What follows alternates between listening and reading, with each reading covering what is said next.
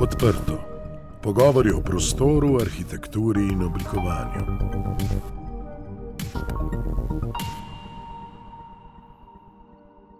Pozdravljeni v podkastu Odprto. V tokratni oddaji gostimo Aleksandra Saša Ostana. Arhitekt je od leta 2018 docent na Fakulteti za arhitekturo Univerze v Ljubljani, predtem je predaval na oddelku za arhitekturo Univerze v Mariboru, še prej na Visoki šoli za umetnost Samuel Stewart v Ljubljani.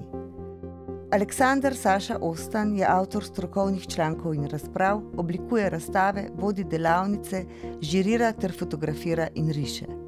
Z Natašo Pavlin vodita atelje Ostan Pavlin, kjer se ukvarjajo s kulturo bivanja, arhitekturnim projektiranjem in urbanizmom.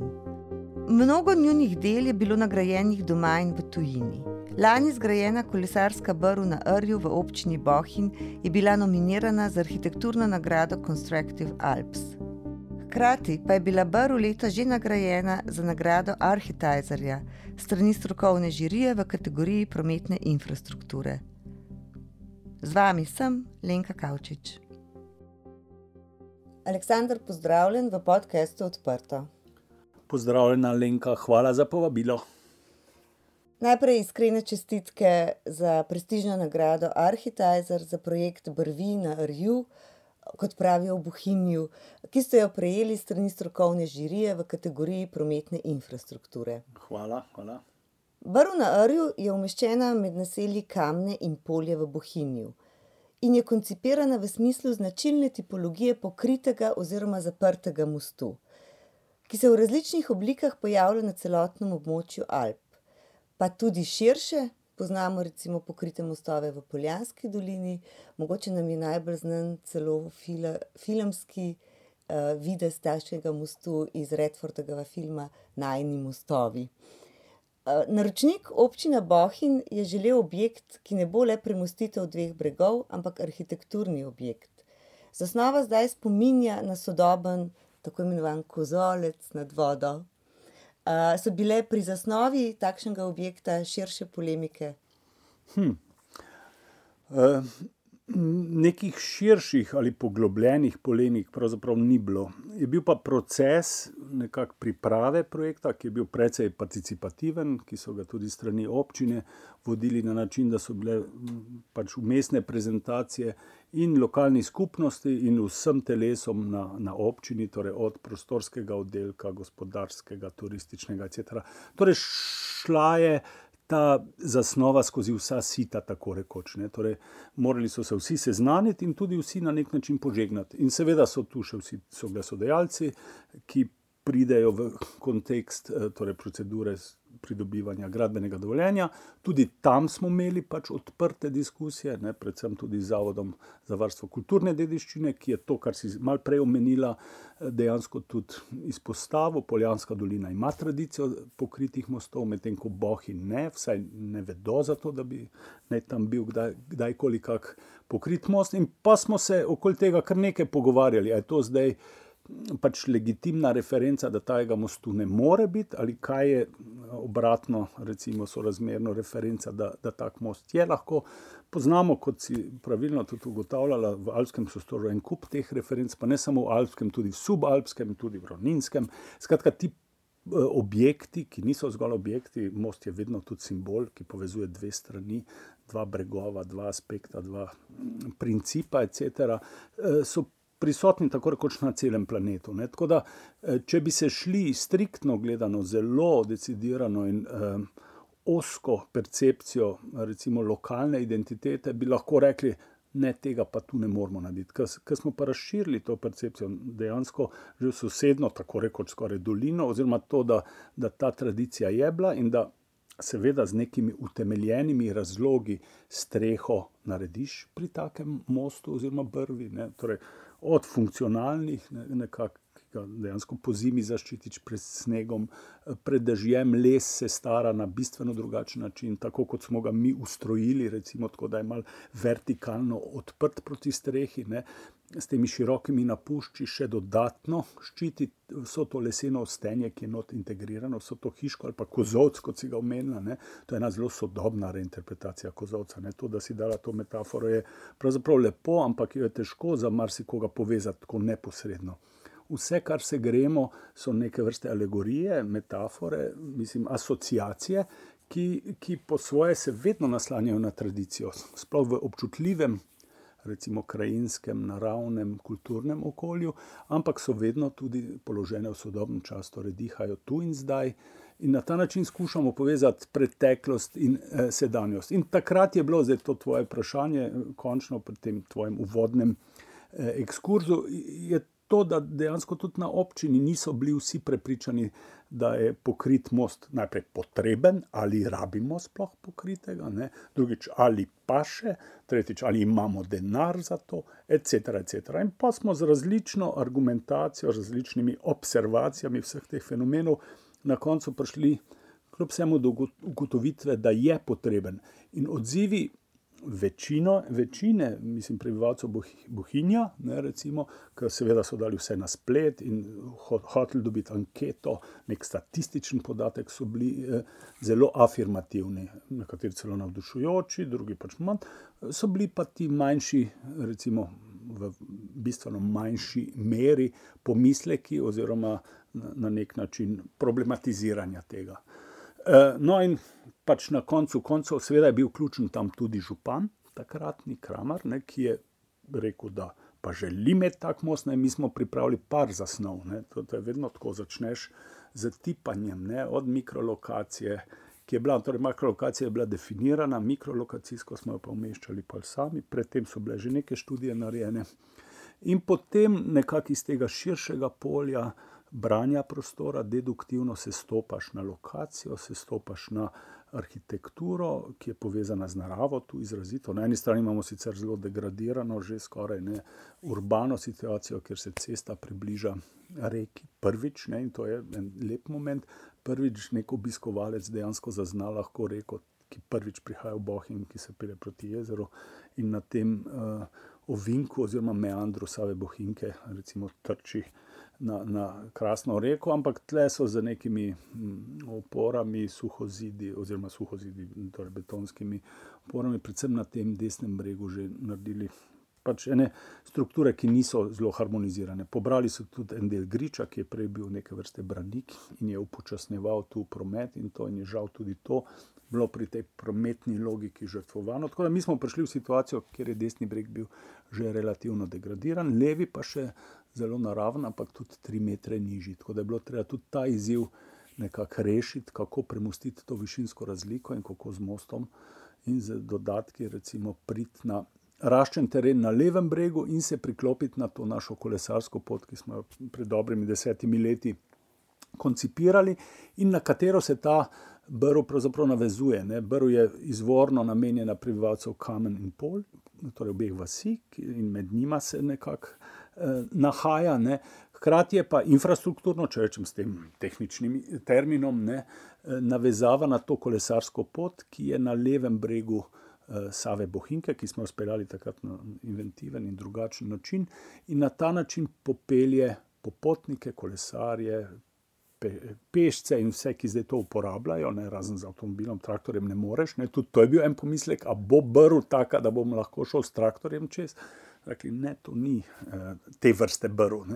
No, skratka, da povezuje ne, in ta simbol mostu, brvi je povezovanje, je, je to, da v svetu eh, tkemo mostove, da jih zidamo, da jih gradimo in da povezujemo ljudi, da povezujemo naravo, kulturo, povezujemo tudi živali, če hočejo, čez, etc. No, skratka, v tem smislu je pol. Ta dilema, recimo, ki se jo izpostavlja, ali sploh tako ali ne, bila pa presežena, in pa je bilo treba samo počakati na pravi čas, uh, se pravi na sofinanciranje, na to, da je bil trenutek zrel, medtem je bil že drug župan, medtem je bila že uh, druga konstelacija, tudi malo drugačna. Ne? Ampak na nek način so vsi to pol sprejeli tako kar z naklonjenostjo, in pa ko se je pa začelo.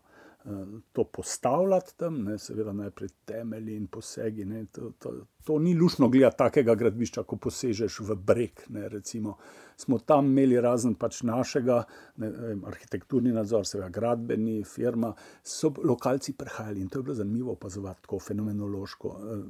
Torej, posamezniki iz pol in iz kamen in to smo mi imenovali super nadzor. Oni so bili malo umaknjeni na tistem eh, tistem pomolčku, kjer se je včasih skakalo v Savo in opazovali, kaj se dogaja. Včasih kaj pripomnili in to, in smo rekli, da ja, dokler so oni tam in zadovoljni, stvari štimajo.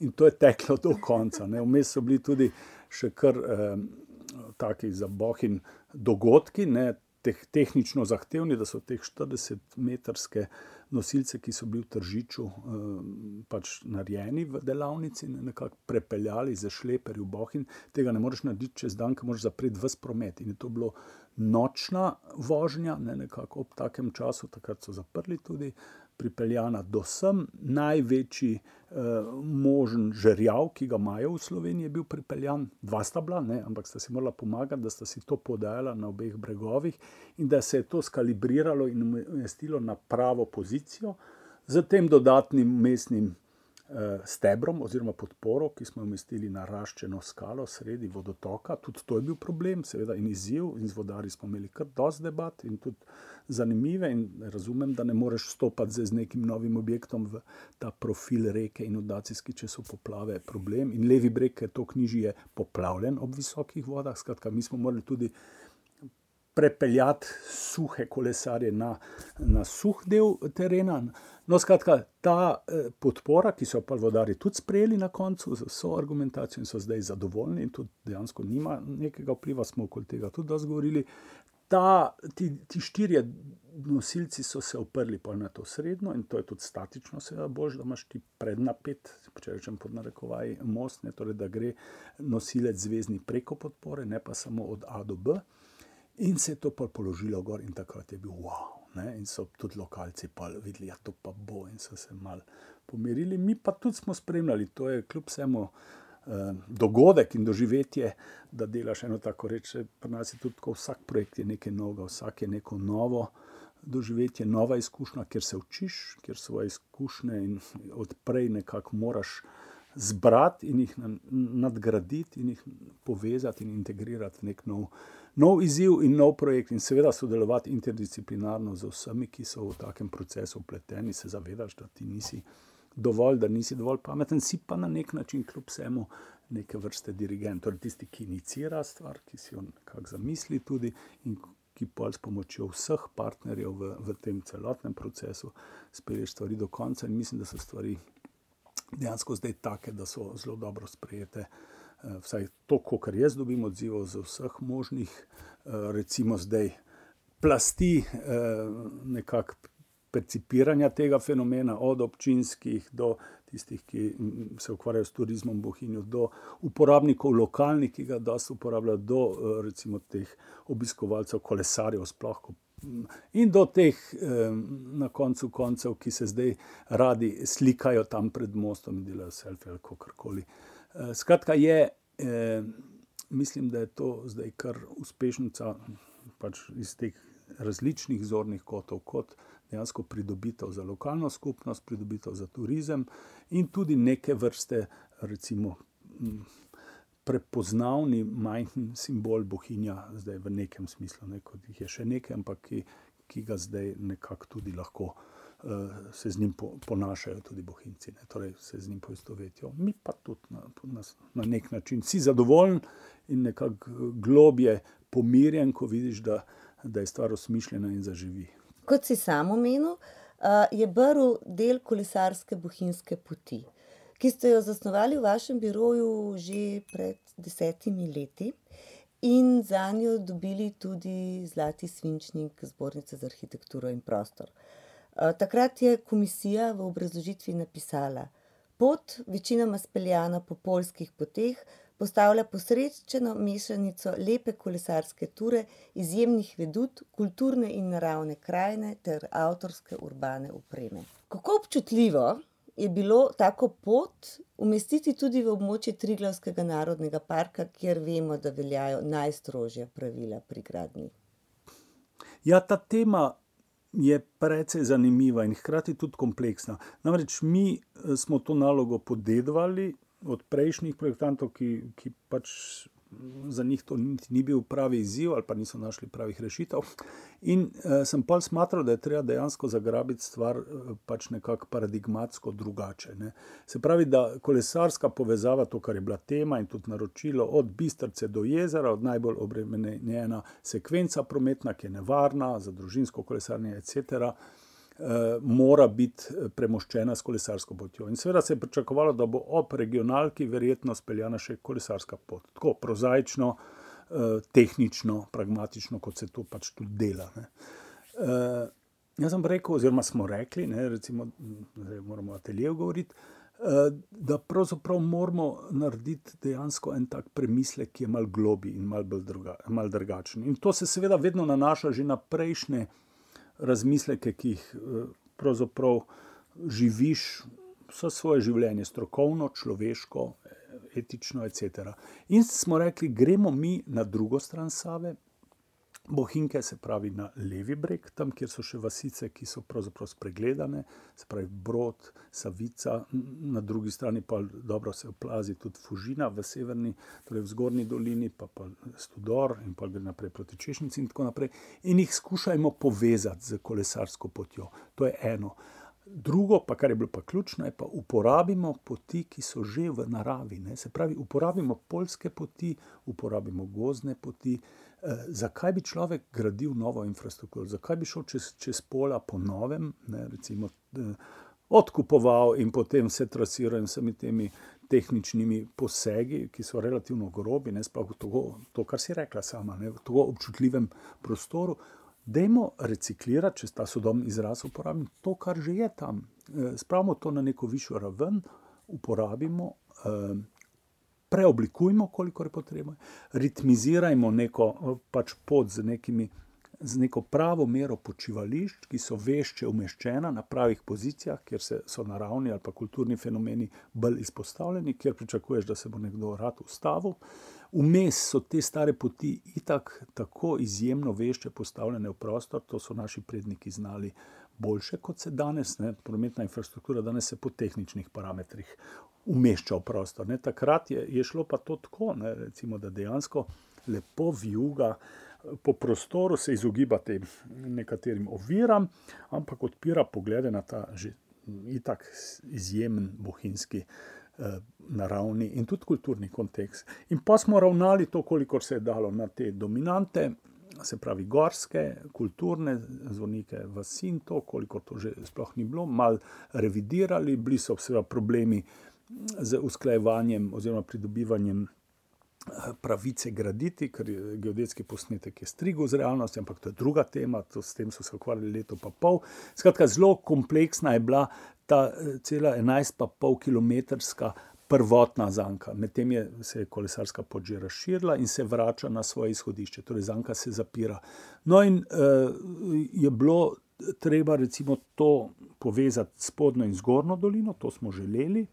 In hkrati narediti pot tako doživljajsko, to, kar si omenila, ne, tako uh, percepcijsko, in tudi kar se tiče drugih čutov, recimo polno, da ti bohin doživiš na en drugačen način. Ne?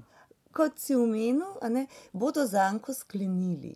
Zagotovo z vsemi temi intervencijami, ki ste jih že naredili, in s temi projekti, ki so že izvedeni v Bohinju, uh, vas verjetno zanima nadaljevanje tega projekta. Oziroma, kakšen je odnos, se, se vam zdi v biroju, da nadaljevanje že začetih poti, projektov in vzpostavljenih hmm. odnosov v danem okolju daje prav posebno kakovost novim projektom. Mm. Ja, seveda, se strinjam s tabo. Mislim, mene osebno tudi zanimajo bolj kompleksne zgodbe. Ne zgolj en objekt izoliran v prostoru, ki preleti kot nek UFO v nek prostor in se pravzaprav težko odziva na, na kontekst, ampak pleteš zgodbe. Ne, narediš eh, eno eh, stvar, ki, je, ki sede malo bolj. Eh, malo bolj kompleksno v prostor, poveže lokalno skupnost, poveže kulturno in naravno dediščino in jo na nek način tudi nadgrajuje. Ne. Torej, če je vešče umeščena, senzibilno v prostor, pa je to vedno nadgradnja. Ne. Otok Blejski brez recimo crkve in uh, cele kompozicije, stopnic in vsega, pravzaprav nima take dodane vrednosti, če rečem s tem izrazom, analogno, ne vem. Blejski grad, recimo, ki kot krona to, ta, to veliko skalo na nek način nadgradi in, in ji da nek poseben pomen, kulturni, simbolni, duhovni. No, in podobno na nek način se trudiš, da bi tudi z arhitekturo dosegel, se pravi, naravo oplemenitiš, ne to harmonijo, ki je bila v naravi, jo ne na nek način. Um, destabiliziraš, ampak jo nadgradiš in ji daš eno dodatno dimenzijo. In v tem smislu so te, ti projekti, seveda, tudi bolj dolgoročni, kot si sama rekla. Ne? In je zato potrebno neko posebno potrpljenje, torej neko poglabljanje branja in eh, razumevanja prostora, neko poglabljanje odnosov z lokalnimi prebivalci, z upravo, ki to recimo vodi, etc. In eh, zaradi tega tudi lahko bolj recimo, konsekventno izpeljuješ stvari ne, in, jih, in jih tako po korakih dopolnjuješ. Mes se je že zgodilo, da, da je bila torej od vem, srednje vasi pa tja proti Češnici, so že to po svoje mal delali, zgolj z prometnim inženirjem. Ne, in so pa kljub vsemu videli, da so se dogajali tudi. Da je ta gospod, ki je bil odgovoren za prostor, pač žal preminul in je, so drugi prevzeli. No, skratka, potem so videli, da kljub vsemu rabiš neko posebno občutljivost, ne, da to ni zgolj prometna infrastruktura, če tako rečemo, ne, ampak da je nekaj, kar je malce širše in globje umeščeno v prostor. In zato to delamo, seveda, z veseljem. In eh, seveda ti projekti so nam ljubi, ampak je treba imeti kondicijo. Ne, to je tek bolj maraton kot pa 100 metrov. Ne. Oziroma, zdaj, če rečem primerjavo z Musko, to ni tok zdaj en sodoben komat, tri, tri minutni, ne, ki te zapali, ki ga po radiju, mimo grede poslušaš, eh, ko se vožiš z avtom, ampak je to nekaj, kar se že približuje neki mal širši pesnitvi. Ne. Da bi na koncu pa nekaj, ne, tle, niti ne, ampak postala simfonija oziroma nekaj, kjer je pa upletenih bistveno več elementov in je ta eh, stvaritev ali pa ta, recimo, tudi umetniški atributi take stvari imajo večjo težo in so bolj poglobljeni. Ne. Primerjalno, recimo, tako naselja, ne naselbinska dediščina, ko priješ eno naselje, ki je harmonizirano, to so žal. Predvsem historična naselja, ne, historična mestna jedra, in tako naprej, si dejansko preplavljen z, z lepoto in z, z neverjetnim čudenjem, kako je bilo mogoče, da so naši predniki nekaj takega ustvarili, kako fascinantno, natančno in hkrati sproščeno in na vides na ključno je neko vaško mestno jedro, kjerkoli po svetu, kjer so jih še ohranili. In temu se želiš približati. Ne? Je, je drugače kot recimo tudi na sodobnih ekskurzijah, arhitekturnih, ne? večkrat tako samo od enega eh, monumenta do drugega, ne? se pravi od ene sodobne arhitekture do druge. Tisti je lepo, zanimivo, ne? pa če je izziv ampak vmes je pa neka velika praznina, ne, ponavadi, ne, so, so zgolj taki eh, kratki utrinki, torej komadi, ki zapalijo, eh, veziva je pa malo. Ne. Tako da pač seveda to nadaljevanje. Poti in ti širši projekti, kjer je eh, širše v prostor umeščeni in tudi globje postavljeni, ne zgolj tako na, na flah, na površino. Ne, v celotnem opusu vašega biroja, če zdaj razširim, uh, iz Brvi v Bohinju, še na doživljajsko igrišče ob Muri in pa mogoče zadnji projekt za kladnico mesta Črnomelj ter drevesno opazovalnico v parku Celje. To so vsi projekti, kjer uh, izstopa poudarek doživljajskosti. Uh, so projekti, kjer občutenje obiskovalca vaših objektov uh, postavljate v na prvo mesto. Uh, zakaj se na tak način ukvarjate s prostorom? Da ga ne samo oblikujete, ampak mm. ga v bistvu približujete skozi druga čutila, skozi druge plasti prostora, uh, nekemu naključnemu obiskovalcu, ki to začuti na prostoru, kljub temu, da mhm. prej prostor tega ne kriči na glas. Mm. Sveda, jaz eh, pač nekako globoko to tako doživljam in čutim, da arhitektura mora nositi v sebi to sporočilnost. in tudi ta nagovor in to povabilo v življenje, povabilo v branje širšega prostora in tudi doživljanje prostora. Torej, mora biti neka kort, ki te navduši. Ne? In to zdaj ne bi rad zlorabljal plečnika, ampak mislim, da tako nekako gre.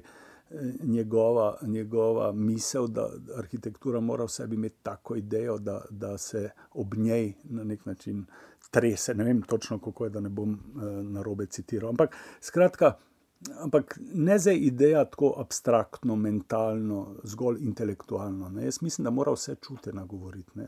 In to je razpon, ki gre pač od, od vem, čutnosti, ne, ne vem, taktilnosti, ne, čustev, ki te preplavijo, do nekih vrhuncev, pač tudi intelektualno, recimo analitskih, ne, diskurzivnih, ki jih pa ponavadi strokovnjaki, ki se s tem ukvarjajo, lahko tudi razberejo, oziroma eh, na nek način ključ dobijo, pa, pa jih razbirajo. Skratka, mora biti ta celoten eh, razpon, ne, recimo, doživljanja integriran. Tako da, recimo, zdaj, ki si omenila tudi drevesno opazovalnico, mi smo za kolesarsko pot in za drevesno dobili tudi Evropsko nagrado, Kasko pred leti tu hočem ne toliko zaradi nagrade, ker te pridejo bolj tako, kot neke vrste potrditev, da delaš prav tam, kjer so, se približajo neki objektivni eh, pač presoji. Ne. Ampak važno je to, da smo mi dejansko vključujemo, kjer je le možno, lokalne materijale, ne, lokalne izvajalce, lokalno verigo predelave ne, in tako eh, drevesna. Opazovalnica tam še izrazito smo uporabili le zgolj iz gozda, kjer smo to opazovalnico torej nad celjem postavili kolesarska pot Boh in podobno. In to so potem, seveda, znanstveniki v Nemčiji računali ta oglični odtis, to je vse občina prijavila, ne, torej bohinjska občina, in dobili pa tako dobre rezultate, da, da so poleg arhitekturnih kakovosti tudi te trajnostno so naravne, ne, ki pa so usmerjene izrazito v bodočnost in v. Eh, vključujejo problematiko eh, podnebnih sprememb, torej nizkega ogličnega odtisa, socialne kohezije, se pravi, nekega res celostnega pogleda na problematiko. Zato se mi zdi to, recimo, kar si morda izpostavlja, je, je, je v tem razmisleku, kaj tej civilizaciji manjka in kam smo zašli, v neke vrste slepi ulici. Divjanja za progresom, za dobičkom, za vem, materialističnimi dobrinami je nekaj, kar uh, skušamo s pomočjo arhitekture, pa ni samo arhitektura, pač tudi to, kar se vse veže na njo in kar je vse v procesu vključeno v njo, eh, vračati človeka k naravi, ampak ne zdaj tako zgolj nostalgično, ne back to nature, ne, ampak eh, širše, da jo začuti, da jo prepozna, da, da na nek način tudi razume, da ima ona res eno globinsko vlogo, torej planetarno gledano, pri tem, da nas zdržuje da na njej lahko živimo, da je ta svet nam bil poklonjen, da smo ga podedovali, da moramo z njim skrbeti bistveno bolj občutljivo, kot je recimo to počelo 200 stoletij ali pa tudi naprej, eh, ne samo 200, ne samo. Eh, da moramo torej spremeniti percepcijo, paradigmo, in da pri arhitekturi ne gre za dirko, zgolj za dosežke, ki bojo pač na nek način kot neke vrste avantgarda, ne, čeprav vedno, seveda, z invencijo nekaj vnašaš tudi not. Ne, in, ampak kljub vsemu za nekaj, kar je globje uravnoteženo in uravnovešeno z, v, v razmerju med kulturo in naturo, med recimo materijo in duhom, med vem, zdaj, če rečem pogojno moškim in ženskim principom, oziroma eh, zdaj, ne, ne v, v smislu konotacij vrednostnih, ampak v smislu tega, kaj elementarno je zapisano v teh. Dinamičnih dualizmih tega sveta, ne, sonce, zemlja, ne, sonce, voda, mati, oče, etc. Vse to je jing-jang, kako koli kamor pogledamo. So odvisnosti. Ja. In tu gremo pač, seveda, kolikor je mogoče, ni možno povsod eh, enako konsekventno teh tem izpeljati. Tu je dosta odvisno od, eh, od neke konstelacije širše, nekog razumevanja ima naročnik pri tem, kdo je pleten, kako je na vse zadnje pač tudi z budžetom, ampak tudi z malimi budžeti se da marsikaj narediti, se pravi, nisi odvisen od tega, da da imaš ne vem koliko in da pa rečeš, ne, če pa nimam to, pa ne bom mogel graditi. In seveda, angažmaj pa pri vseh to, pa moram reči, ne, tudi je bistveno večji, kot je sicer pri projektih. Če bi ga delal tako rutinsko, ne, moraš najprej spostaviti nek širši temelj razumevanja tudi teh deležnikov, če rečem tako, ne, se pravi od investitorjev, izvajalcev, moraš navdušiti ti, da so v celskem gozdu tam nad šestimi metri plesali med šestimi drevesi, med katere smo upeli to drevesno hiško, ne, so morali pač to mal začutiti, da je to nekaj, kar ima neko posebno težo in pomen in se navdušiti. In tam smo imeli tudi srečo, pač dobiš eno firmo, ampak je ta oče, lastnik, imel dva sinova, ki sta to prijela, ne, mislim, in sta dejansko tam gor, torej so vsi, ne, tudi, tudi oče in njegov brat in to, in so, so sledili temu. Na začetku morda mislijo, da še ni vsak detalj pomemben, pa še malo po svoje hočejo, ker ti nisi vsak dan na gradbišču. Ne. Ampak potem, ko pa po enih dveh takih eh, zdrsih pokažeš in poveš, da je pomembno, da so letve z takimi razmeri, ne pa takimi, da, da je ta detalj stik horizontale in vertikale tak in tak, da je to artikulacija, arhitekturna, seveda razložiš na, na enostaven način, pa to, ampak se pa to tudi vidi in se tudi razume na nad tem, kako se les odzove na vlago, na odkap. Ne, moraš vse to, kljub vsemu, malo poznati, da je voda, recimo, največji sovražnik lesa in da moraš te detalje tako rešiti. Skratka, tu je še ta tehnični aspekt, ki je razen tega intuitivno-umetniško slovalskega, vsaj pol enakomerno, ne, enakovredno, zdaj vprašanje, kako prekiram projekt, ampak pomemben, da to stvar, te sanje udejaniš, da jih pripelješ preko vseh tehničnih parametrov, ne, um, zakonodaje, normiran, etc. in narave materijalov in to, kar dobiš pravzaprav, ker tudi smrekanje je enaka smreki, ne, tam smo imeli doglazijo, da jih pripelješ do konca tako, da uh, rečem, ne pijejo vode. Ne. Ne, pijejo vodo, ne pijejo vode. Ne. Skratka, zgodba je kompleksna in to je izziv, in to je tudi čar te, tega poklica. Ne. Je pa pri nas pač tako, da, da glede na razmere, v kakršnih živimo in kako kultura, splošna ali pa rečem bolj mentaliteta, razume vlogo arhitekture, to seveda neko posebno skoraj poslanstvo in angažma, ker pač živiš od jutra do večera za to in s tem, seveda hkrati še vse ostalo, ne, in družina, in moš živeti. Ne, tudi, ampak je, je predanost ne, nekak, in za tak projekt, za, v katerega verjameš in veš, da je recimo, pomemben, si pripravljen marsikaj žrtvovati. Torej, arhitektura uh, zagotovo ni služba, arhitektura je poklic, ker si poklican. Če lahko temu tako rečem, uh, da sodeluješ pri načrtovanju uh, boljših prostorov. Izzivi v, pri načrtovanju v današnjem času so tako kompleksni, kot si omenil. Tako torej, da mimo odgovornosti arhitektov kot posameznikov ne moremo, ker v končni fazi arhitekti s svojim načinom najbolj direktno vstopajo v vizualno podobo prostora okoli nas in s tem narekujejo tudi odnos, kako ga kot družba dojemamo. Uh, z vsemi temi izzivi, ki si jih zdaj naštel, z vso tvojo uh, izredno angažiranost na, angažiranostjo na različnih področjih arhitekture, bi izpostavila še to, da si pedagog na fakulteti za arhitekturo, kjer se srečuješ z mlajšo generacijo, oziroma vzgajate nove generacije študentov. Kje je ta draž uh, mentoriranja? Uh, kakšne, kako mlajše generacije, tvoji študenti, uh, danes gledajo na svet in na izzive, ki jih področje projektiranja prinaša? Ja, to je spet eno uh, relativno kompleksno vprašanje. Torej, dalo bi se o tem spet govoriti tri ure, recimo, če bi imela čas.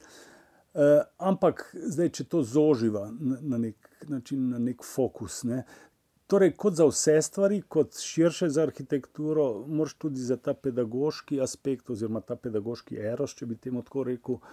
Je fino, da, imaš, da so ti rojenice in sojenice nekaj že v zipko podelile, ne? oziroma da, da pridejo in vsak, vsakdo nekaj dobi ne? od, od nas. Ne? Vsi smo različni, vsi smo izjemni In eh, te stvari, eh, potencijale, oziroma to, kar je v tebi, tako kot si prej rekla, lepo poklic, ne, torej slediš notranjemu klicu, ne, nekak, eh, da, da prideš do poklica.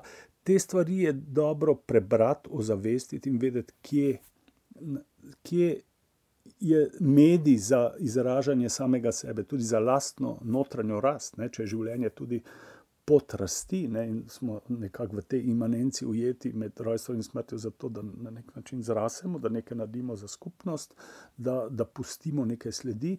Skratka, eh, zato je to pomembno, da to prebereš in da ne greš v neko smer, ki pa ti ni, ali pa da te služba ne stisne v neko smer, ki pa tebi ni blizu in da tam vegetiraš, da začneš uh, pač postajati to, kar se marsikje, seveda, žal dogaja, postaješ apatičen, etc. in pa eventualno še zboliš, etc. Skratka, najti to pozicijo je. je Tudi neke vrste izziv, ne? torej vsak, in pa seveda konstelacija, da, da se to ti parametri tako pokrijejo, da prideš v pozicijo, da to lahko tudi udejanjaš. Ne? Zato je pa tudi neka dejavna drža v življenju potrebna. Torej, ne zdaj, da, da ne vem, kako greš linearno, premočrtno za ciljem, ampak da plavaš tako eh, dejansko z izzivi in z usodo življenja v, v dialogu. Ne, recimo, ko ti ponuja priložnosti, da, da veš, kdaj jih je treba zagrabiti in na kak način in kako z njimi. In tu so mladi, recimo, in ta pedagoški del mojega delovanja, ki ima tudi že dolgo brado, ampak jaz nisem tipičen pedagog, ki bi recimo po koncu študija postal najprej raziskovalec, pol asistent, pol vem, docent, pedagog. Ne. Torej nisem šel, ampak obratno, ne, sem šel v, v realnost, smo z prijatelji eh, koncipirali v 90-ih te delavnice z malimi lokalnimi skupnostmi in tam skušali začeti premikati percepcijo in osveščati ljudi, kako je pomembno uh, kaj bojo s svojim prostorom naredili. Ne. In to so bile taka pionirska oranja. Ne. To je bilo kar dosti prijateljev in kolegov in kolegic vključenih v te procese, žal je pa to malo zamrlo, oziroma ni bilo prav razumljeno. Hkrati pa greš tudi skozi neke faze, ne, recimo tega recimo zelo idealističnih pozicij, kjer orješ, torej skoraj brez nekih finančne podpore. To. Do tega, da potem pa seveda raseš in eh, to svoje polje dejavnosti nekako usmerjaš v smeri, kjer misliš, da je najbolj odprta ali pa najbolj tehtno, eh, lahko dodaš ta svoj kamenček mozaiku, recimo stvarstva. No, in tu je to pedagoško delo eh, pri meni. Do njega prišlo tako bottom-up, kot bi rekli, se pravi od spodaj na vzgor. Ne. Poleg teh delavnic, ki so že bile neko pedagoško delo, ne, v začetku 90-ih, sva pa z Natašo vodila Evropske poletne šole arhitekture deset let, tam nekje med 93 in 2003, in to so bili posebni izzivi in laboratoriji, 400 do 500 študentov evropskih na enem mestu um, srečanih, ta jasa, eh, ki so samo organizirali in mi smo bili pač enakovreden del te skupnosti in tam se je začelo to kaliti na tej mednarodni ravni, potem pa ta Family Stewart, pa Maribor, pa zdaj Ljubljana. No in skratka, to na nek način mi sledi v življenju in jaz temu sledim. Ne, in uh, sem zelo rad z mladimi in seveda tudi z vrstniki in seveda tudi moram povdariti z starejšimi in ta most spet med generacijami se mi zdi, da je ključen. Ne. Spoštovanje do starejših, do modrih, do tistih, ki nam imajo kaj za predati in povedati, ne. in spoštovanje po drugi strani do mladih, do njihove uh, energije, do njihovega entuzijazma, do njihove čistosti. Recimo, če tako rečeš, ko še niso pretirano kodificirani, ne? čeprav univerza je že, pač, že relativno pozno. Zdaj, ko imaš otroke, vidiš, kje se te stvari začnejo na nek način. Uh, Recimo, spremenjati, no, torej percepcija tudi otrok. No, ampak, kakorkoli. E, tako da zdaj ta pozicija, e, vizavi študent in študentov, je, je taka, morda po eni strani, tako kot starejši, radi pojamramo, pod nekovaj, uh, rečeš, joj, ta virtualna realnost, ta digitalni svet, pa kako jih je to vse na nek način očaralo in začaralo, in kako jih je odpeljalo v neko, nek umik od resničnosti in umik tudi od človečnosti. In tudi umik od nekega celostnega dojemanja, recimo prostor časa, če lahko tako rečem. Ne? In tu jaz skušam, kar se tega zdaj najprej ta aspekt, mladim na nek način eh, mlade povabiti nazaj v, v to neposredno doživljanje. Ja, materialno, ki pa je razpeto v duhovno, tudi ne, nikoli zgolj materialno. Ne, tle sem morda tudi malo drugačen od pedagogov na faksu in ponujam morda malo mal drugačne tudi eh, poglede, ki niso vedno nujno. Uh, mainstream. Uh, in skušam predvsem odpirati perspektive in percepcijo, ki širi njihovo polje dojemanja sveta in seveda tudi stroke znotraj tega. Ne. In tu imamo kar nekaj tudi terena, kot ga lahko imam znotraj tega kurikuluma, ki ga imam. Jaz nisem težko kategornik, ki bi imel seminarje, to, ampak imam predmetke, mehne. Ne. ampak jih znotraj tega skušam dejansko uh, navdušiti. In, uh, in jih pripeljati to, kar sem rekel. In to pa je vse, od obiskovanja realnosti in branja realnosti do risanja tega, tudi ni več to, ta misleča roka, plasma, ki je pa hkrati tudi čuteča, ni zgolj misleča, to prakticiramo, potem projektke, raziskave in to. Skratka, vse to, kar smatram, da je pomembno kot njihov nek temelj oziroma kot nek.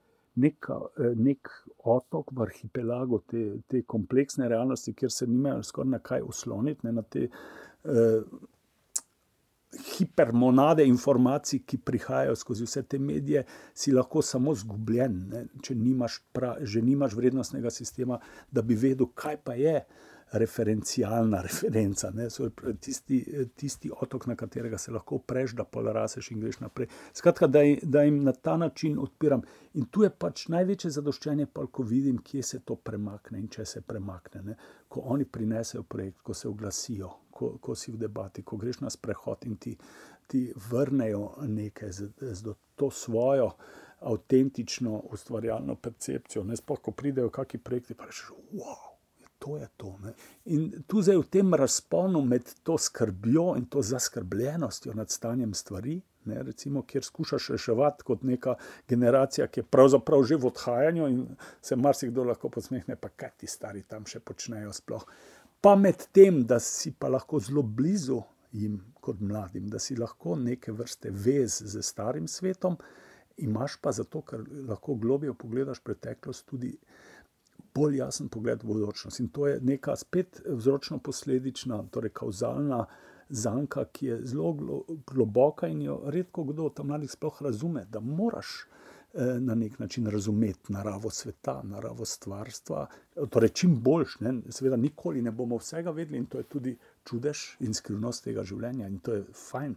Ampak kljub vsemu se temu približati in se pa na to odzvati in skozi svojo ustvarjalno držo v življenju peljati to, to zgodbo na svoj način naprej. In jaz to podpiram, da je vsak avtonomen, da je sam svoj in da je v tem svoboden, svoj bodi svoboden. Ne? Eh, seveda pa z upoštevanjem in spoštovanjem vsega, kar smo dobili. Ne? Se pravi, tu je tudi dediščina. Eh, kulturna, naravna, zelo bistven temelj, ki je bila v času našega študija, pa tudi sicer bistveno premalo prisotna, skozi to tudi teme prenove, skozi to ta reciklaža, ki sem jo prej omenil, ki ni lepa beseda. In to, skratka, eh, skušam na nek način ta veliki tok globalni tega spreminjanja sveta, da ga zaznamo skupaj, da ga preberemo, kolikor ga je možno, in da se mladi pa na to odzivajo. In mislim, da, da v tem smislu najdemo en zelo lep dialog. Jaz sem tudi sproščen na, uh, mislim, in na predavanjih, in pri vajah, in pri sprehodih, kolikor se da, pa hkrati v tem tudi resen z vsemi temi pronicljivimi opažanji, dilemami, vprašanji, se, ki si jih izpostavil na enem pogovoru, bi te za konec vprašala, kdaj si na zadnje doživel prostor, ki je v tebi odzvanjal še dolgo časa? Hm. Veš, kaj, teh prostorov je pa kar nekaj. Ne? Seveda, zdaj, če bi hierarhično pogledal različne stopnje, recimo eh, te navdušenja doživiš, ko vstopaš v, v različne odnose z prostori, z arhitekturami, z naselji. Ampak pravzaprav, recimo na potovanjih, kar nekaj potujemo in odkrivamo te različne tradicije sveta, tudi onkraj tega kontinenta ali pa znotraj Evrope. In tam, kjer naletiš na relativno avtentične pričevalce preteklosti, ne, ki pa so seveda lahko tudi že lepo prepleteni s sodobnostjo, ampak tako spoštljivo si vedno znova očaran, ne? vedno znova presenečen, kako je mogoče, da so vsa ta naselja, recimo, tako različna, eh, seveda, ker ima različne danosti naravne, ker ima različne kulturne, religiozne, topografske, klimatske, etc. Ne? Skratka, da je bilo možno, da so naši predniki to z, z tako senzibilnostjo in s takim kolektivnim naporom, ne pa z v bistvu anonimno. Gradno bi rekli, da to niso velika imena, te, Tako da tle bi morda izpostavil ta anonimna, vernakularna, tradicionalna arhitektura, je, je vedno bila na nek način oklesana skozi stoletja in je sedla v prostor in z materiali in s proporci in z funkcijo, tako da, da je res lahko preživela stoletja. To te pravzaprav uh, tako prežame v celoti bitja, da pridejo tudi soze. Torej, Včasih, ne, ali pa tudi domačije. Ne, ne vem, se spomnim tam ene domačije, vidičeve, preleki, pred leti pridem tja, prvič vidim avtentično ohranjanje in še imel je ta slikar Vidic, ki jo je mal z drobnimi, recimo, dodatki ozaljšal, takimi arhitekturno-skulpturalnimi, in sem samo obnemel in eh, se sesedel tam. Ne. In takih je dosti, zdaj smo bili, recimo, šola prenove. Eh, torej najlepše prenovljene hiše Slovenije. In srečaš primere, ki jih sicer ne poznaš, družina, ki se bori celo življenje, je podedovala od prednikov, recimo en mlin tam ob, ob reki, ampak to je cela domačija, žaga, mlin, objekti, gospodarski. Oni so se borili kljub sistemu in financam in vse, ki bi jim to, seveda, najrajši ali vzel ali tega ni znal ceniti. Časi so bili tako nenaklonjeni kmečki. Eh, pač kmečkemu poreklu in identiteti in tradiciji. To je bilo vse pač peorativno označeno, moral si biti sodoben in proletarci, etc. In so z otroci ured uspeli ohraniti recimo skoraj vso to dediščino. Zdaj seveda tudi jo modernizira in to, ampak neverjetno, da, da imaš take samorastnike, ki Eh, ki grejo za, za nekimi vrednotami skozi življenje, ali pa v krasu, eno, gor, v kobje glavi, eno domačijo, mislim, borjač. Neverjetno. Torej, to je zdaj, če smo pri anonimni arhitekturi. Na drugi strani spektra imaš te vrhunske arhitekture, kjer te pa položi, seveda, tudi vstopiš v gotsko katedralo in. In obnemiš, ne, si, si, si tako mehen, in ta, takrat tudi vidiš, da dejansko to presega človeka, to presega uh, Eh, ta mali mental individuuma, ki bi si želel nekaj takega. Tega v sodobni arhitekturi skoraj ni več, ne? oziroma dobro se, se najdejo akordi, ko, ko res, mislim, posrečeno, ne? ali pa stopiš v Gaudi, ali pa naš plečnik, ne? recimo.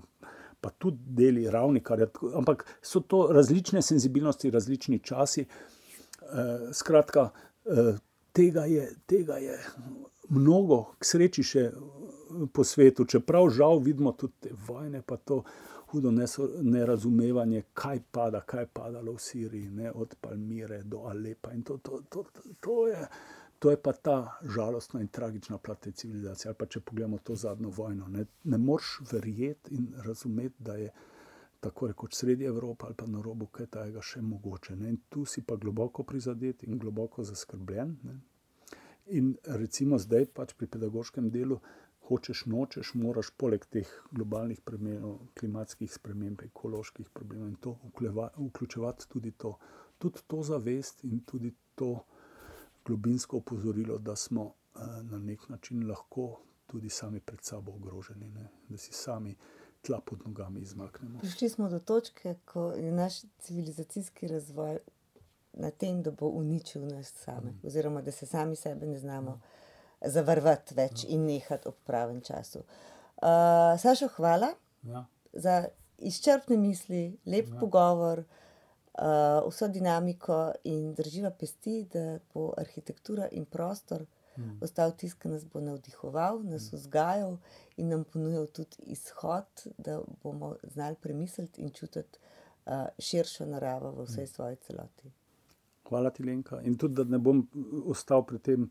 Eh, pesimističnem tonu zadnje replike, jaz sem kljub vsemu optimist in zaupam, da, da, bo, da bomo zmogli vsi skupaj ta eh, premik narediti, da, da se bo svet nekako dvignil na neko drugo raven, z drugim razumevanjem, poglobljenim in da bo naši eh, zanamci lahko živeli v enem lepem svetu. Še. Hvala. Hvala. Poslušali ste podcast Odprto prvi slovenski podcast o arhitekturi, ki ga je pripravila ekipa OHS. Za akustično ugodje je skrbel studio Sonolab. Odprte hiše Slovenije se zauzemajo za dobro arhitekturo, ki je namenjena vsem ljudem. Prisluhnite nam vsakič, ko boste v prostoru želeli izvedeti več. Da smo lahko odprto spregovorili o prostoru, nam je svojo podporo omogočilo Ministrstvo za okolje in prostor.